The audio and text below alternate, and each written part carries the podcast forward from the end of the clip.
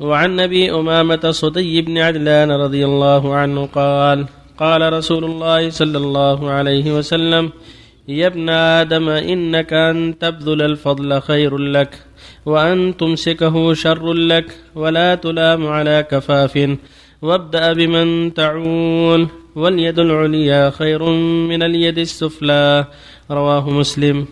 وعن أنس رضي الله عنه قال ما سئل رسول الله صلى الله عليه وسلم على الإسلام شيئا إلا أعطاه.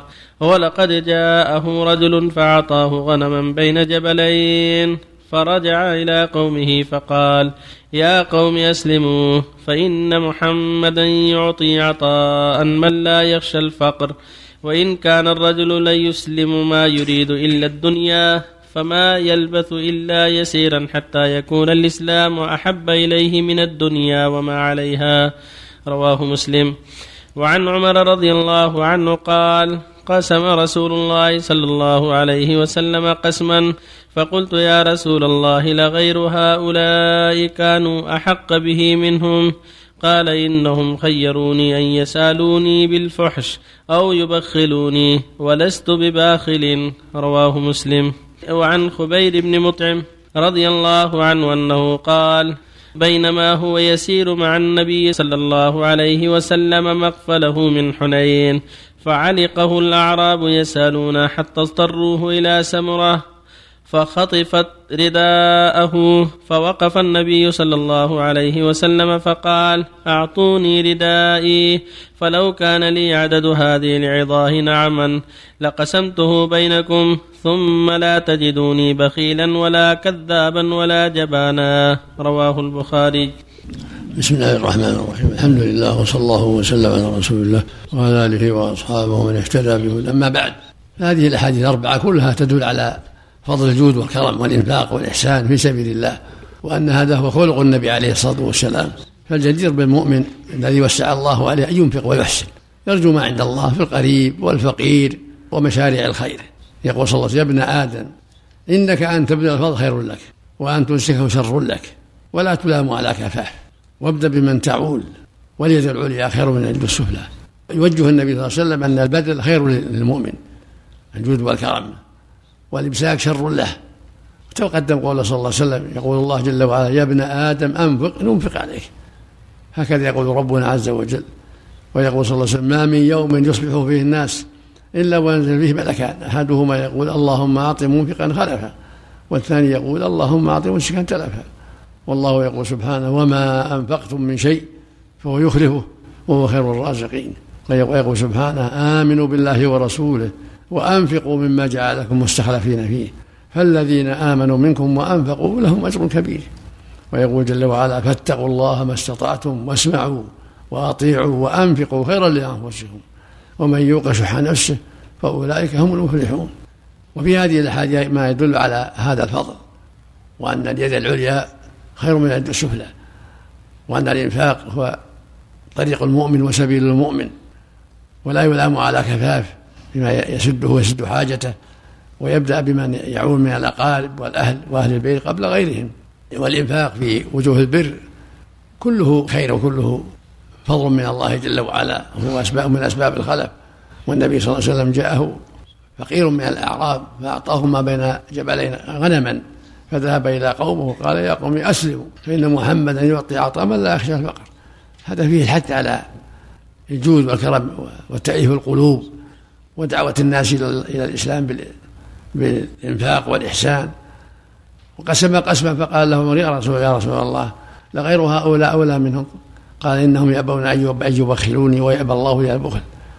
وفي الآخر إني لأعطي قوما لما في قلوبهم من الهلع وأدع آخرين لما جعل الله في قلوبهم من الغنى والخير منهم عمرو بن تغلب قال عمرو رضي الله عنه لقد قال النبي كلمة ما أحب لأن لي بها الدنيا وما عليها. فالمقصود أنك المؤمن يجتهد في الإنفاق والإحسان ووضع الأمور في مواضعها يتحرى وضع الأمور في مواضعها يتحرى النبقة في تأليف القلوب في تعمير المساجد في تشجيع على طلب العلم في توزيع الكتب النافعة في صلاة الرحم يتحرى وجوه الخير. يرجو ما عند الله من المثوبة وفق الله جميعا.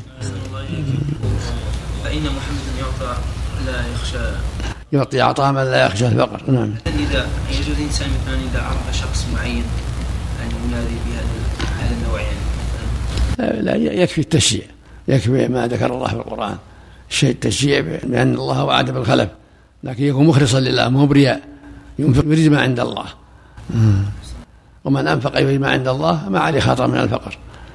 الله جل وعلا قال وما أنفقتم من شيء فهو يخلفه. وهو خير الرازقين لكن يتحرى يتحرى في إنفاقه وجوه الخير يتحرى ويبدأ بمن يعول زوجته وأهل بيته مقدمون على غيرهم أولاده وأهل بيته ومن تحت يده مقدمون. سعي السمسار هل من حق السمسار أم من حق المالك؟ نعم. السعي سعي السمسار. هذا على من شرط عليه إن كان شرط على البائع على البائع على المشتري على المشتري. السمسار الدلال يعني. نعم. إن شرطه له البائع يعطيه إياه وإن شرطه على المشتري يعطيه إياه. نعم لا. على من شرط عليه. ولكن يا شيخ إذا هذا أمر مفروغ منه لكن السؤال هنا محل السؤال أن بعض السماسرة يبيعون للمالك السلعة بثمن جيد ومكسب ممتاز ثم أيضا فوق هذا هذا المالك الغني يشترط نص السعي له.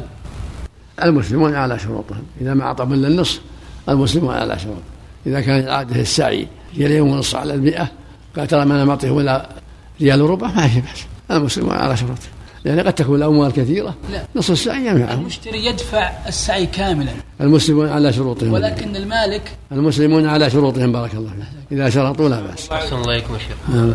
سواء في صلاة. نعم. رجل صلى مع إمام. إيه.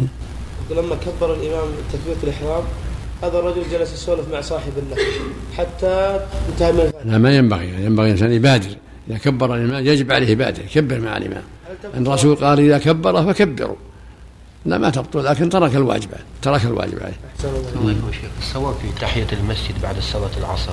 مثل غيرها. النبي صلى الله عليه وسلم قال إذا دخل على المسجد فلا يجلس حتى يصلي ركعتين. نعم ولكن في بعض الناس يقولون أن ليس ب في بعض بالصواب يعني. بعض أهل العلم يمنعها في وقت النهي لكن الصواب أنها جائزة. مأمور بها عند- دائما. ولهذا لما دخل رجل والإمام يخطب يوم الجمعة قال قم فصلي ركعتين والإمام يخطب. نعم إذا شخص دخل وجالس مباشرة هل له إثم يا شيخ؟ يعلم قال له قم صلي ركعتين مثل ما أمر النبي مثلا جلس قال قم فصلي ركعتين إذا أبى؟ يعلم إذا علمته يكفي. الله. علمته السنة يكفي لا الضاربة نعم. علمها السنة ويكفي أحسن الله إليكم يا شيخ. بالنسبة لهذا السؤال هذا الشخص إذا كان دخل يوم الجمعة والإمام يخطب وجلس. تقول له قم تقول تقول السنة لك يا أخي قم بالكلام الطيب. ما بكون من اللغو يعني؟ تشير له إشارة. إن صار الإمام يخطب تشير له إشارة. إشارة بيدك. إشارة لا تتكلم أما الإمام لا يتكلم. الخطيب لا يتكلم.